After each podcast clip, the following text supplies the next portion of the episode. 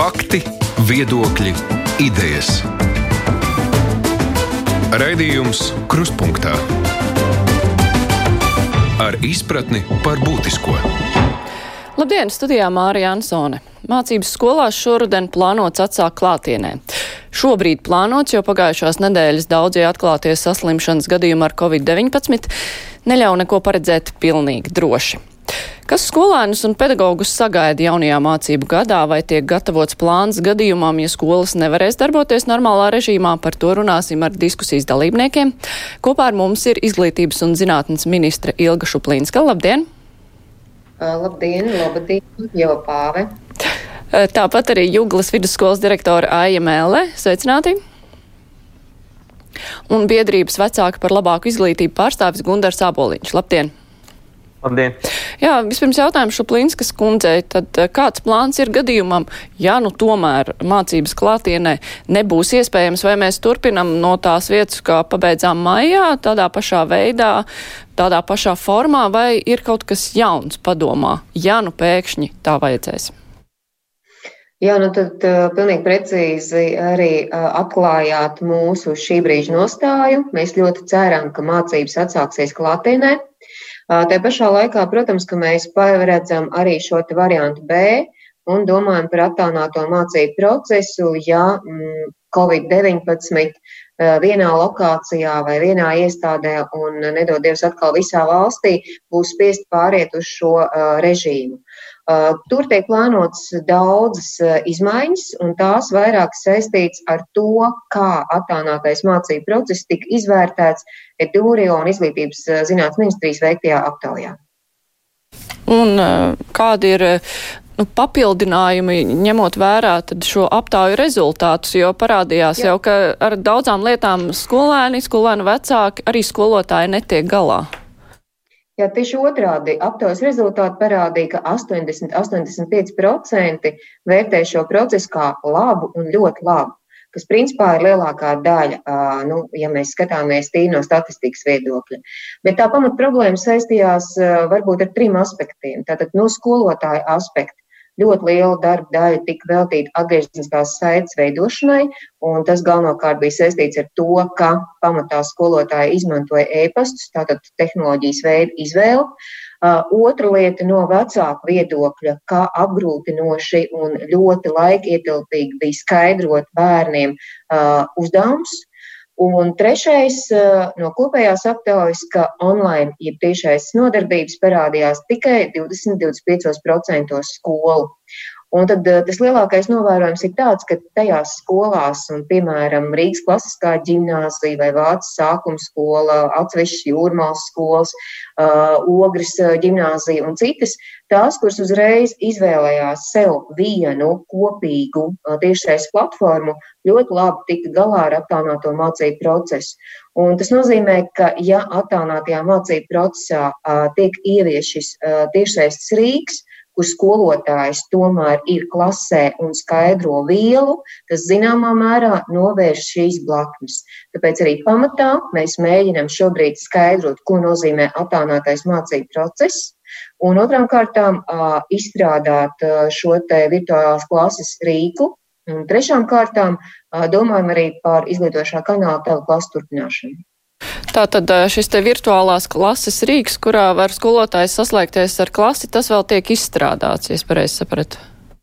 Vēl tiks sludināts iepirkums uz to. Šobrīd ir apzināti prototipi, jā, bet tiks sludināts arī iepirkums. Jā. Uh mhm. -huh. Jautājums Mēlis kundzei, kā skolas gatavojās šim te iespējamajam plānam B un kas jums ir vajadzīgs, kāds atbalsts, piemēram, no ministrijas?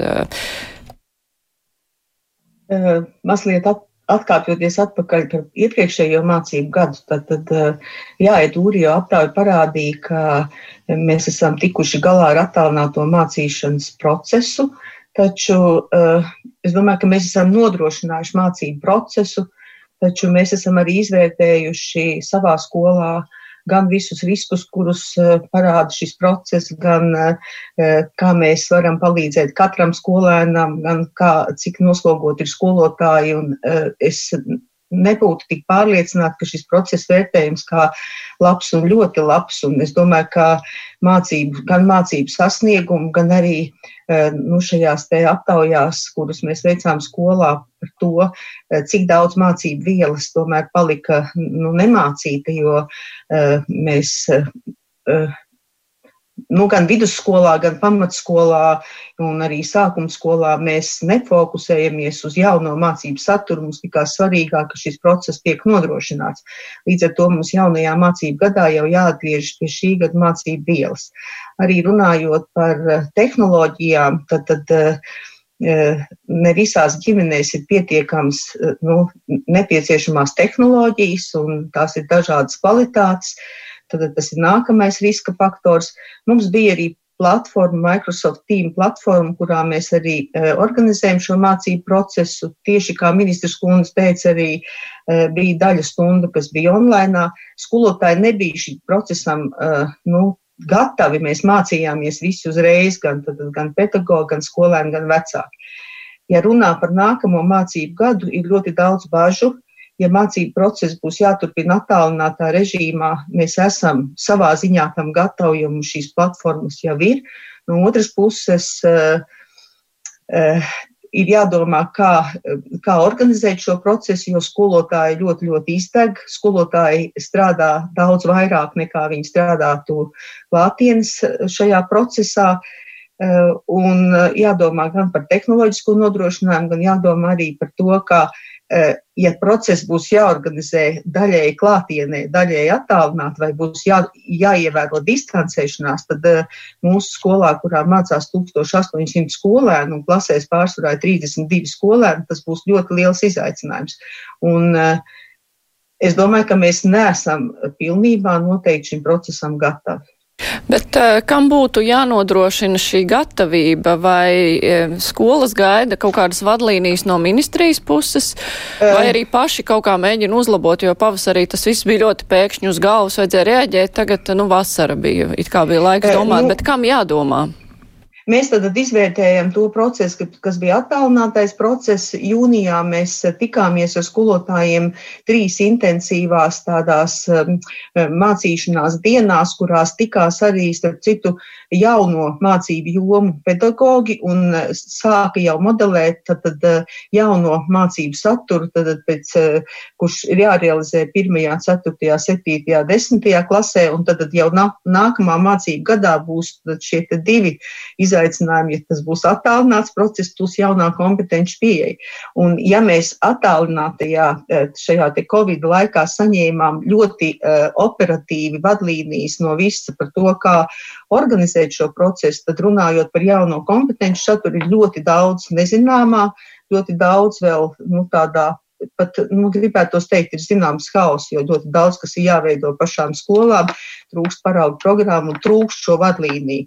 Un arī e, šis uzstādījums, par ko droši vien šodien būs runa, ka datoru katram, e, katrā ģimenē, katram skolēnam, es domāju, ka tas ir tāds, e, nu, tā ir tāda sabiedrības un vecāku tracināšana, manuprāt, jo līdz šim mēs esam uh, diskutējuši daudz un, un ļoti daudz līdzekļus iztērējuši katru gadu pērkot darba burtnīcas, kuras gada beigās jau vairs šie līdzekļi jau atkal ir jātērē no jauna. Un esam diskutējuši, kādi ir individuālie mācību piedarumi mājturībā, vai skolēns drīkst pats pirkt dzīves un tādus niekus. Šobrīd mēs jau runājam par datoriem.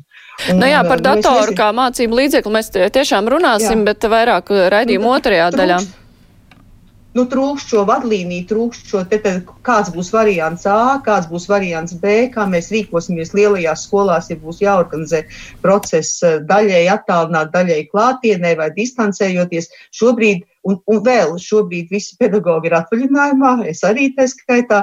Mēs tiksimies 17. augustā, un tad droši vien eh, nu, vērosim, kāda būs eh, situācija ar covid, kāda būs vispār situācija, un tad droši vien tiks pieņemt lēmumu, bet tas jau būs daudz par vēlu. Jā, jautājums vecāku pārstāvim, ar kādām sajūtām vecāki gaida jauno mācību gadu, kas eh, vecākiem ir skaidrs un uz kādiem jautājumiem uh, jūs visvairāk gaidat atbildes? Nu, es pirmkārt gribētu teikt, ka droši vien vecāki ir ļoti daudz un dažādi. Ir uh, daļa vecāku, kuriem nekādu jautājumu nav, un atbildes ir skaidrs, un viņi zina, kāds process notiek un notiks, ja būs sliktākais scenārijs un mācības notiks attālināti. Un ir vecāki, protams, kam ir ārkārtīgi grūti dažādu iemeslu dēļ, un um, viņiem varētu būt daudz un dažādi jautājumi. Bet um, nu, tas, ko es redzu no sava redzes punkta, ir uh, secinājums, ka vislielākais izaicinājums būs tiem bērniem un vecākiem, kuriem ir sākuma skolas bērni. Tātad, uh, šīs attālinātās mācības parādīja, ka visgrūtāk mācībās iet uh, līdz, pirmās līdz ceturtās klases bērniem. Uh, visvieglāk savukārt iet uh, tiem, kas ir mm, nu, 6. un 9. klase. Tad tas ir tas saucamais tīņu vecums, kur ļoti aktīvi izmanto tehnoloģijas, un ja viņiem viņas ir pieejamas, tad, uh, nu, manuprāt, viņiem mācību process notika ļoti labi, un lielai daļai īstenībā uzlabojās gan, gan sekmes, gan arī pats mācību process pierādījās, ka ir daudz efektīvāks nekā klātienes mācības bieži vien. Un, um, šī zināšana apgūve bija krietni efektīvāka. Um, vai um, varētu būt kādi jautājumi saistībā ar, piemēram, 1. septembri un kas būs savādāk? Nu, es šaubos, vai kaut kas varētu būt savādāk, ja mācības būs attālināti, kā tas jau bija iepriekš. Es domāju, ka liela daļa skolotāju un skolu vadītāju ir, ir izcinājuši um, visus trūkumus šī brīža mācību procesā. Mm, es nešaubos, ka lielākā daļa mācību iestāžu ir um, profesionāli, labi kvalificētas un uh, spēj šos trūkumus novērst. Un, um, es domāju, ka uh, sliktākā scenārija gadījumā nu, visticamāk process būs gan pozitīvs un mācību apgūve tiks nodrošināta tāpat, kā tā tika nodrošināta. Cits jautājums, kad es kā vecāks labprāt gribētu, kad, um, cik nu, tas iespējams šeit vēlēties vai neizvēlēties, kad nu, vismaz pirmais mēnesis tātad atkal pie sliktākiem scenārijiem ir uh, klātienes mācības, un to arī man apliecinājuši vairāku dažāda lieluma skolu direktori, kas ir teikuši, ka nu, svarīgi būtu vismaz klātienē iesākt pirmo mēnesi, un tad jau pēc tam, ja atkal ir negatīvs kaut kāds virziens iestājies, tad, tad, tad varētu turpināt attālināto mācību procesu. Um, nu, vēl es varētu arī pieminēt, ka um, ir virkne skolu, kas, skolu vadītāji, kas man teica jau pašā sākumā, ka viņiem šo mācību procesu nodrošināt um, nebūtu un arī nav nekādu problēmu attālinātā veidā līdz pat gada beigām. Nu, tas pierāda, ka um, tās skolas, kas vairāk vai mazāk saka, ka nu, viņas nav gatavas, viņām neviens neko nav stāstījis un viņas nezina, kā to izdarīt. Nu, tur droši vien problēma vairāk vai mazāk būtu viņa pusē, jo ir, ir skolas, kas jau pirmajā dienā bija momentāli gatavas, vienas dienas laikā izstrādāja nepieciešamos scenārijus un strādāja. Bet nu, tie droši vien ir arī dažādas tādas individuālas nianses, un katrai skolai var būt arī savas problēmas specifiskas. Jā, jautājums Šuplīns kundzei, kā šeit izskanēja, lielākās problēmas iespējams bija tieši mazāko klašu bērniem, viņu vecākiem, jo šiem bērniem jāsēž blakus un jāpalīdz, vai ir domāts par tādu variantu, kad uh, mācības notiek daļēji klātienē, daļai skolas, daļēji attālināti, vai uh, šādi varianti tiek apskatīti, ja nu ir tā, ka nu, skolas īsti jāslēdz nav, bet tomēr epidemioloģiskās situācijas dēļ nebūtu laba liela pulcēšanās vienkopus, vai tādi varianti ir apspriesti? Jā, protams, jau arī iepriekšējā periodā eksperti uzreiz norādīja, ka pamata problēmas būs 1. un 6. klasē, un tāpēc tur visvairāk ir nepieciešams šis atbalsts, kādēļ arī tika veidota tā klasa, un paldies arī Gundaram Āboliņam un viņa nevalstiskai organizācijai par iniciatīvu, ko viņa atbalstīja. Un tāpēc arī šobrīd, protams, mēs primāri domājam, ka uz šo sākuma skolas posmu mēs varētu attiecināt to vadlīniju kopumu, kas bija saistīts ar bērnu dārstu. Tātad, principā, ka ir iespējama šī uh, darbība arī skolā, ja pārējās klases ir attālinātajā režīmā, jo tad ir iespējams mazināt gan šo skolēnu skaitu klasē, gan arī savādāk organizēt visu skolas darbu. Un varbūt, eh, izmantojot šo izdevību, es eh, drusku arī atbildēšu uzreiz uz, eh, jāsaka, direktors uzdotajiem jautājumiem. Tad tā pirmā lieta, ja ir palikušas neskaidrības ar kompetenci pieeju un kā to iesākt risināt, tad noteikti ir jāraksta ļoti konkrēti jautājumi, jo visu laiku mēs esam atvērti sarunai. Arī šodien mums ir plānota šī, piemēram, diskusija atkal par augstskolu un tieši bakalaura un koledžu programmu beidzējiem. Mēs esam atvērti un gatavi diskutēt par jebkuru jautājumu, kas vēl sagādā, jāsaka, pūles un problēmas.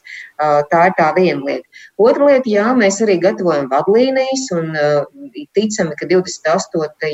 jūlijā nākamajā ministru kabineta sēdē šie grozījumi tiks izskatīti, līdz ar to arī vadlīnijas nonāks līdz skolām.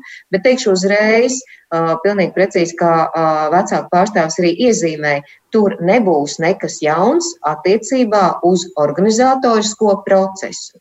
Un katra skola izvērtē to, cik tā ir liela, kāda ir tās kapacitāte, un vai ir nepieciešams, es nezinu, ieviest varbūt šo maiņu darbu, vai ir nepieciešams varbūt domāt par to, ka, piemēram, vecākajās klasēs uzreiz viena diena nedēļā ir šis attālinātais mācību process, Un, protams, ka lielākās varbūt šīs te, uh, galvas sāpes arī uh, skolu direktoriem un tiem, kas plāno šo darbu konkrētajā telpā, būs saistīts ar koplietošanas telpām. Jo tur ir vissarežģītāk norganizēt šo ēdināšanu, sanitārās telpas, sporta nodarbības, pasākums skolas. Tas ir izaicinājums. Un tur atkal vienas kopīgas receptes nebūs. Tā būs atkarīga no skolas izmēra, no tā, cik viņa ir moderna vai tieši otrādi nemoderna ēka, no tā, vai skolai ir sava teritorija, un daļa no šiem pasākumiem var notikt ārtelpās vai nē. Ja? Tad tur tādas kopīgas vadlīnijas vienkārši nav iespējams izstrādāt. Melskundze, vai runājot par kompetenci izglītību, tā problēma bija kompetenci izglītībai kā tādai, vai arī kā to realizēt, ja gadījumā ir jāstrādā attālināt vai daļēji attālināti?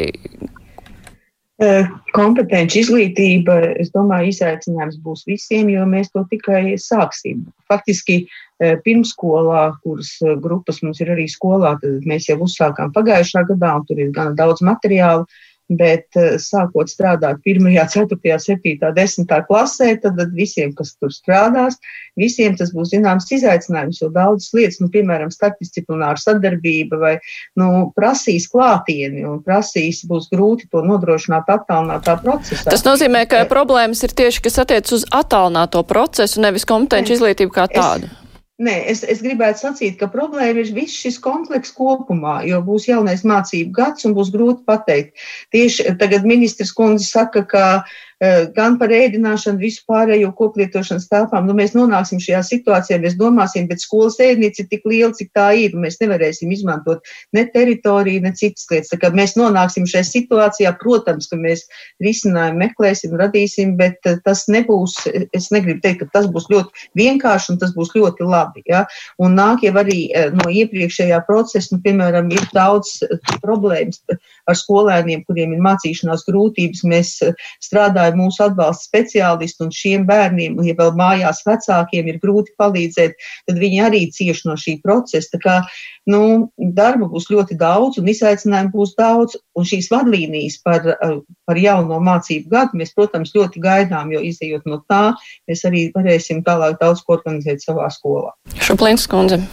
Jā, es varbūt tikai divas lietas pieminēšu. Pirmkārt, mēs esam apņēmušies labās pieredzes stāstus patiešām arī publiskot īsā, kompaktā veidā, jo tādu ir gana daudz un vairākos semināros mēs esam iekšējos tos noklausījušies un daudz skolas ir stāstījuši savu gan organizatorisko, administratīvo, arī šo te tehnoloģiju organizēšanas lietu.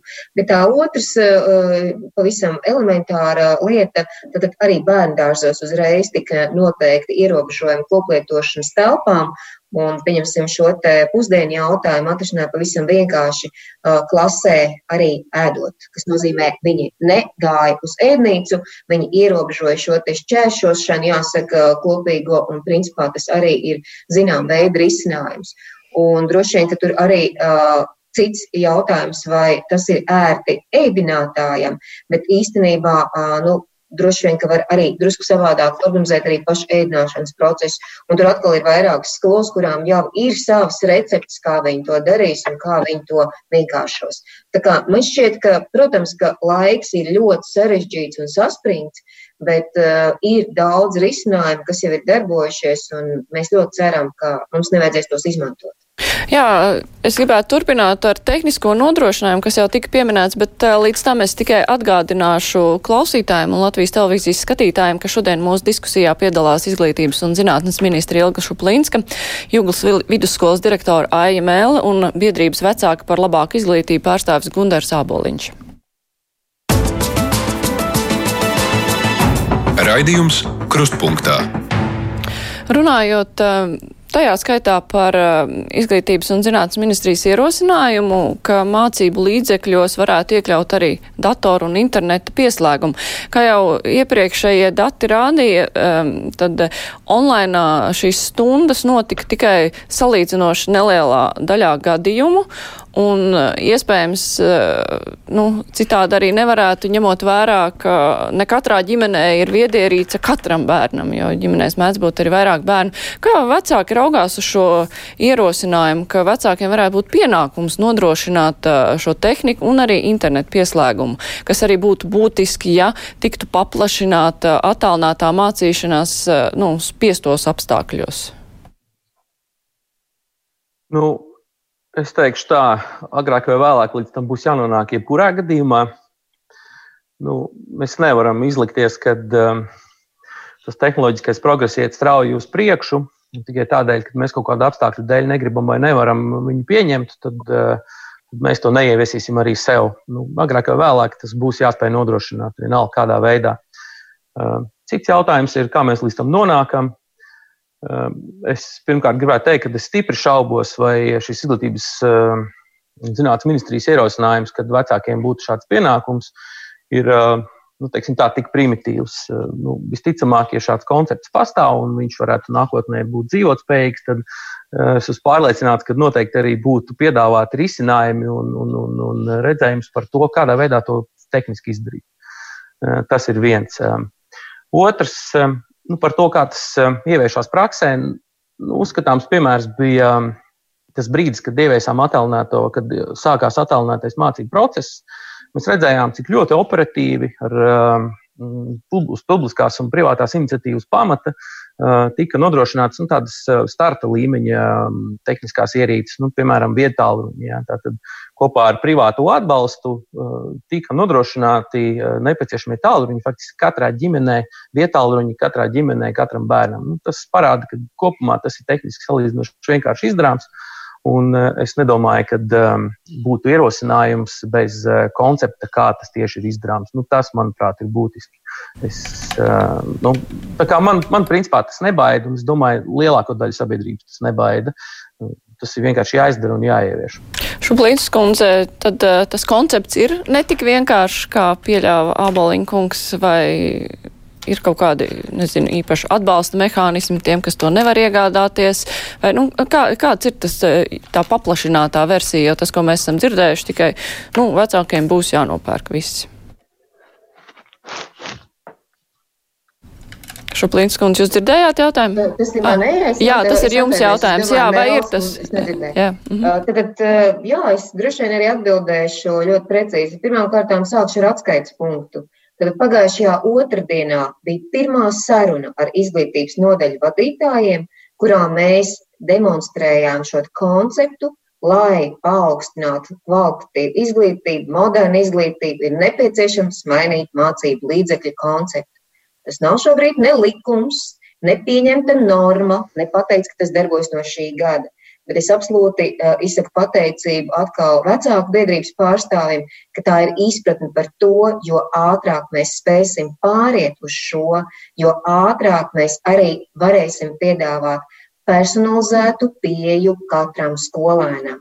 Un īstenībā šis ieraksts nav tik lielā mērā saistīts ar attālināto piespiedu procesu, kā ar to, ko pasaulē jau šobrīd, labākajos piemēros, Somijā, Igaunijā, arī citās valstīs, pazīst kā personalizētu bērnu mācīšanos. Personalizētā bērnu mācīšanās principā ir atslēga gan iekļaujošajai izglītībai, gan talantu attīstībai, gan pats svarīgākais, kas ir kompetenci pieejā tieši bērna spēju un prasmju respektēšanai, kas nozīmē arī vienā klasē strādājot, ir iespējams izmantot vietierīces, Visi klasi klausās jauno vielu, trīs bērni šai brīdī, es nezinu, ir talantīgāki, viņiem ir sava programma, viņi dara pilnīgi citas lietas. Es nezinu, vēl trīs bērni nespēja tikt ar kādu citu vielu uh, galā, viņi dara citus darbus, un atkal tas ir šādā veidā. Viena mācība grāmata to neatrisina bet personalizēts dators to atrisina diezgan vienkārši.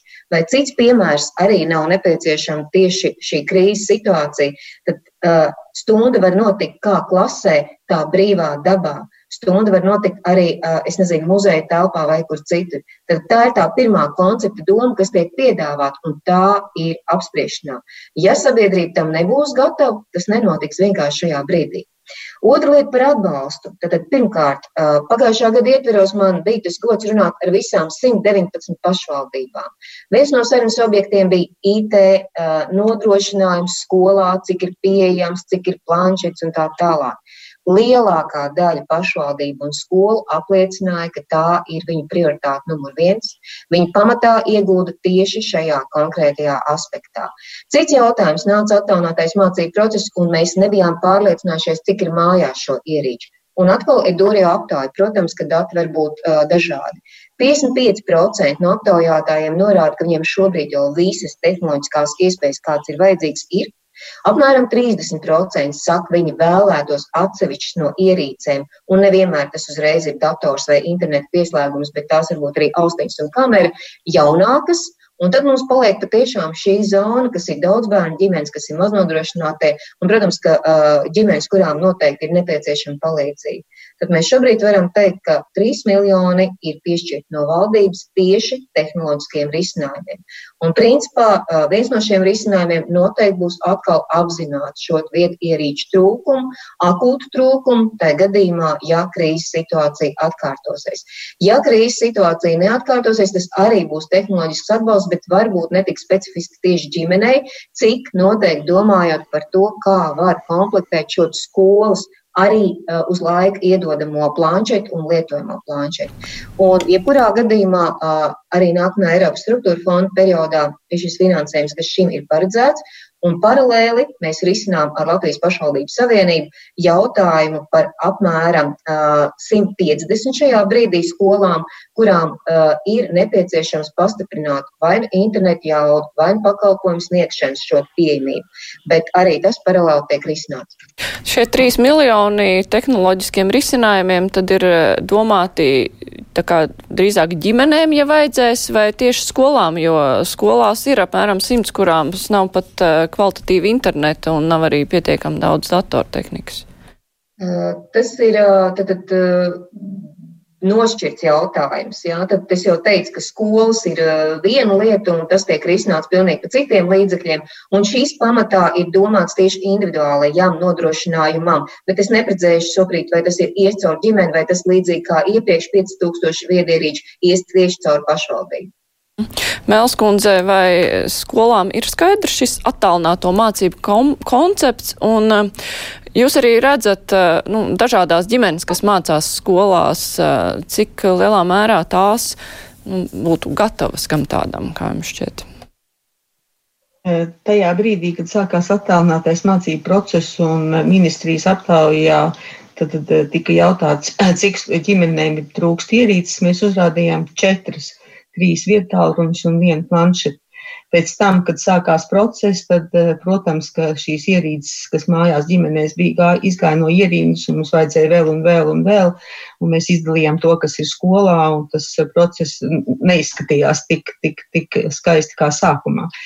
Eh, es, klausoties, ko ministrs kundze saka, protams, es viennozīmīgi piekrītu, ka mācību process tālāk bez tehnoloģijām nav iedomājams, taču uh, Es domāju, ka tad ir tomēr, jā, nu, es nezinu, vai šis ir politisks paziņojums, vai tā ir, ka, kas tas par lēmumu ir un kas tālāk sekos, tā, kādi lēmumi, bet es paskatījos tad jau 2010. gadā jau ministrija toreiz Gudelas kundze runāja par to, ka būtu nepieciešama izglītībā ieguldīt 140 miljonus, lai nodrošinātu gan tehnoloģijas, tad, tad, gan skolēniem, gan portatīvos datorus katram skolotājam. Tas ir pagājuši desmit gadu, mēs nekur tālāk neesam tikuši. Ja mēs runājam par Igauniju, tad arī Igaunijā, tas, manuprāt, bija prezidents Merī, kurš teica, ka šis digitālais bums, kad ko sākās tehnoloģija izmantošana Igaunijā, ka katram bērnam dod datoru un arī Igaunija visu laiku digitalizē visu mācību saturu. Respektīvi, es domāju, ka tad ir jālemj vai valsts nodrošina, piemēram, 1. un 4. klašu skolēniem šīs tehnoloģijas, vai pamatskolā un vidusskolēnu, kur izglītības saturs nav obligāts, tad ģimenēs pērk paši, bet eh, es, man šķiet, ka ļoti svarīgi ir pateikt, kā šis jautājums tiks risināts, jo nav jau šaubu par to, ka tās šīs tehnoloģijas ir nepieciešams, bet tagad sacīt, ka ģimenēm būs jānodrošina, eh, manuprāt, nu, ir tāda viļņošanās ļoti liela šobrīd arī sabiedrībā, jo mēs esam, tas bija tiesības, kas panāca, ka darba būtnīcas, kuras agrāk pirka ģimenēs, tad uz gadu eh, tagad nodrošina skola. Nu, tā parēķiniet 15 vai 13 eiro par vienu svešvalodu darbu būtnīcu skolēnam, cik daudz naudas jau mēs esam faktiski, nu tā, es negribu sacīt aizlaiduši vējā, bet tomēr mēs varētu ieguldīt to tehnoloģijās. Un, un šīs darba būtnīcas droši vien ģimenes bija gatavs tomēr pirkt vai arī šos individuālos mācību piedarumus. Līdz ar to es gribētu sacīt, ka nu, ir jāpasaka valstiski, ko valsts nodrošinās, vai varbūt daļa no šī Covid finansējuma jāiegūt tehnoloģijās, un uh, kas būs jās, jāgādā ģimenei. Pamatskolā tas būs sarežģīti daudzās ģimenēs. Aboliņ, es tikai papildināšu vienu mazu lietu. Mēs tieši gaidām no skolām un no jebkuras izglītības uh, nodaļas šobrīd šo priekšlikumu. Un šajā brīdī vēlreiz atgādināšu, ka tā ir tikai ideja, kas ir izteikta, un mēs esam atvērti diskusijai. Abu. Jā, es gribētu, ja drīkst, uzreiz komentāru. Jūs, ja jūs sakāt, ka šī ir ideja, bet šī ideja jau ir satracinājusi Latvijas vecākus un sabiedrību, un, un šo diskusiju, manuprāt, tieši uh, visi arī gaida, un tad būtu labi, ka diskusijas rezultātā tiek pieņemt lēmumu, tad kā tad šis, šīs tehnoloģijas skolām tiks piedāvāts. Un vēl es gribu sacīt, ka es, nesu, es esmu optimists pēc savas būtības, ja, esam skolā, gan, gan es personīgi esmu, gan arī skola dalījušies ar daudziem pozitīviem tādiem pieredzes stāstiem arī attālinātā mācību procesa laikā, bet uh, ir ļoti daudz risku un ļoti daudz problēmu, par kurām ir jādomā, un laiks iet, un šobrīd ir atvaļinājuma laiks, un šobrīd eh, ļoti daudz neskaidru lietu. Jā, Abolinkungs, jums ir. Mm, jā, es visu laiku mēģinu iesaistīt. Jā, nu labi. Jā. Es visu laiku mēģinu iesaistīt tāboliņu kungu sarunā, vai jums ir kas piebilstams eh, tieši jautājumā par vecāku atbildību. Um, nu, cik lielā mērā tad vecāki var atbildēt arī par visām tehnoloģiskajām pusēm, jo mums, eh, piemēram, klausītājs raksta, ka nu, viņam ir trīs bērni pieredze online mācību režīmā, viņš redz, ka izaicinājums jau ir ne tikai ierīces, jo kaut kādas ierīces jau nu, pārsvarā mājās ir, bet arī stabils internetu pieslēgums. Viņam bija nepieciešami divi rūteri, katrs no citu operatoru operātori, lai varētu nodrošināt pietiekami labu saziņu ar skolu, un bieži vien zūmas apulces vēl uzkārās. Nu, Jūs jau arī redzat dažādās ģimenes, nu, vai tās visas var atrisināt šīs te tehnoloģiskās problēmas, jo ģimenes arī dzīvo dažādās Latvijas vietās, ne tikai Rīgā. Nu, pirmkārt, es teikšu tā, ka um, Nu, skaidrs, ka tā ir vecāku atbildība. Grozies kā gribi, vecākiem ir jāatbild, un mēs nevaram mūžīgi par jebkuru jautājumu sagaidīt, kad uh, visu atnāks, izdarīs, nopirks mūsu vietā valsts. Nu, nu, tā fiziski nebūs, un, un tas nav loģiski. Uh, cits jautājums varbūt ir tā realitāte, kur ir absolūti skaidrs, ka uh, daļa, varbūt pat liela daļa ģimeņu nespēja nodrošināt šo nepieciešamo tehnoloģisko atbalstu pati saviem spēkiem. Uh, varbūt zināšanu dēļ, bet galvenokārt um, materiālo resursu trūkuma dēļ. Un tādēļ skaidrs, ka, uh, ja mēs to ejam, un skaidrs, ka mēs to ejam, tad uh, ir jābūt kaut kādam valstiskam risinājumam, kas palīdz to atrisināt. Vai nu tas ir, uh, kā te bija labs priekšlikums, novirzīt daļu no Covid finansējuma un ar to nodrošināt tehnoloģisko nodrošinājumu. Tam varbūt jābūt kopā varbūt ar kaut kādu speciālu nu, tehnisko vīziju, valstisku vīziju, kā tieši tas viss tiek darīts, sākot no nepieciešamā iekārta iegādes, darbspēju nodrošināšanu, internetu pārklājumu un tā tālāk. Nu, es domāju, tas ir nu, tāds projekta un plānošanas jautājums, bet tas nav neatrisināms jautājums. Nu, tā kā Bet, bet es, tas, ko es gribu vēl teikt, ka, nu, protams, kad jārēķinās, ka ir ļoti liela sabiedrības daļa, kur materiālu iemeslu dēļ nevar nodrošināt sev nepieciešamās iekārtas. Nu, tas ir vienkārši jāņem vērā. Bet, kas attiecās uz to, kādā veidā mēs risinām jautājumus par attālinātām mācībām, nu, šīs nostītās krīzes ietvaros, nu, te jāņem vērā, ka pirmkārt nekad nekāda sudraba lode nebūs. Šī ir ārkārtas stāv, šis principā pēc būtības ārkārtas stāvoklis. Te būs daudz dažādu risinājumu, un problēmas būs visu laiku. Tā nav normāla situācija. Viņa ikdienā vienkārši tādai nevajadzētu būt. Tādēļ uh, Te arī nebūs nekāds uh, viedais, kurš varēs pateikt, kā tieši tas ir jārisina. Nu, tas ir jārisina pašiem skolotājiem, tas ir jārisina direktoriem, jārisina vecākiem. Neviens cits to neizdrīkst. Uh, savukārt, kas attiecas uz situāciju, kad ir normāli apstākļi, nav šī krīzes situācija, nav covid apstākļi, um, nu, tad jau tas ir tāds ilgtermiņa plānošanas darbs, un uh, es nešaubos, ka viņi var arī realizēt. Tas drīzāk būtu tehnisks dabas jautājums. Jā, Šuplīns kundze, vai valdībā ir domāts arī par šīm interneta pieejamības problēmām? Jo, nu, jā, tas jau ir vajadzīgs ne tikai mācībām, bet uh, daudziet Latvijā, nu, ir problēmas ar labu internetu. Vai valdībā par to ir runāts, un tagad tas ir aktuāli arī daudzām citām jomām? Jā, nu tad, tad varbūt tā piebilde, vēl pabeidzot iepriekšējo sarunu, jā, tad ir skaidrs, ka uh, pilnīgi precīzi atkal kā Boliņa kungs iezīmēja, Valsts nevar vienā gadā nodrošināt 220 tūkstošus skolēnus ar viedierīci un neskatot skolotājus. Un kas varbūt parādās ļoti īpatnēji, ka patiešām tajā brīdī, kad mēs sniedzām šos aptaujas datus, tie bija vieni Un tajā brīdī, kad viedierīces tika izsniegtas, tad uzreiz parādījās pilnīgi citi dati. Un man tas liecina ne tikai par to, ka viedierīces eh, bija izgājušas no, jāsaka, šī darbības režīma. Man tas liecina drusku par citām lietām, kas ir novērojamas sabiedrībā. Runājot par internetu. Jūs, jūs domājat, ka cilvēki sāka teikt, ka viņiem nav viedierīču, lai saņemtu par brīvu, vai kā tas bija saprotams? Ļoti dažādi tas bija noteikti, jā, ļoti dažādi tas bija domāts, jā, bet to mēs patiešām nu, redzējām, ka tā, tā ir arī atskaits raksts iesaistīšanas manieri. Ļoti bieži, tad, kad mēs lūdzam arī datus, kāpēc mēs tik ļoti neusticamies statistikai, tāpēc, ka atskaita tiek rakstīta pavirši. Ja? Un mums patiešām bija vairāk novadi, kas vienkārši neiesniedz šādus datus. Tas ir jautājums par to atbildību, kāda ir arī noteiktai pašvaldībai par šiem datiem. Bet par internetu pieslēgumu, ja? tad es uzreiz Es arī pateikšu, ka šie 3 miljoni jau ir no Covid piešķirtā finansējuma. Tas arī ir jāņem vērā. Jā. Tā otra lieta ir tā, ka valdībā tieši sarunas nav bijušas, bet mēs esam rīkojuši vairākus seminārus kurā piedalās varam satiksmes ministrija, Latvijas pašvaldības savienība, izglītības un zinātnes ministrija.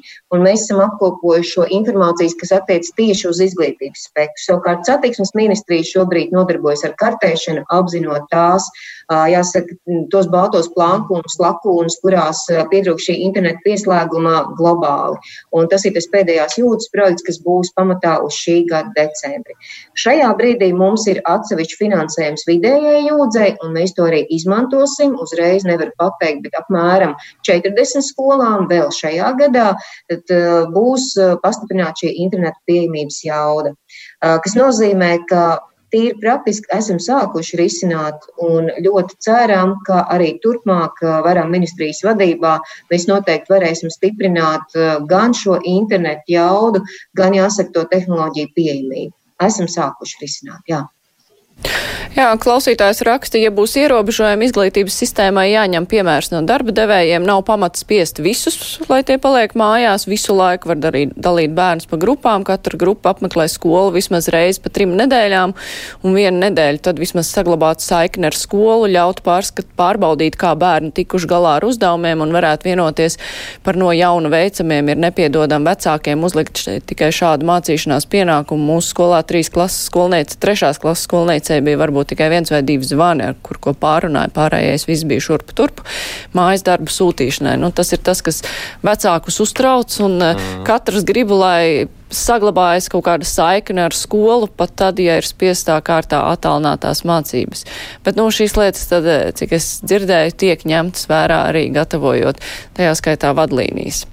Man ir jāsaka paldies eh, sarunas dalībniekiem. Kopā ar mums bija izglītības un zinātnes ministra Ilga Šuplīnska, eh, tāpat arī Juglas vidusskolas direktora Mēl un biedrības vecāka par labāku izglītību pārstāvis Gundars Aboliņš. Paldies, ka varējāt piedalīties. Bet mums savukārt ir laiks brīvajam mikrofonam.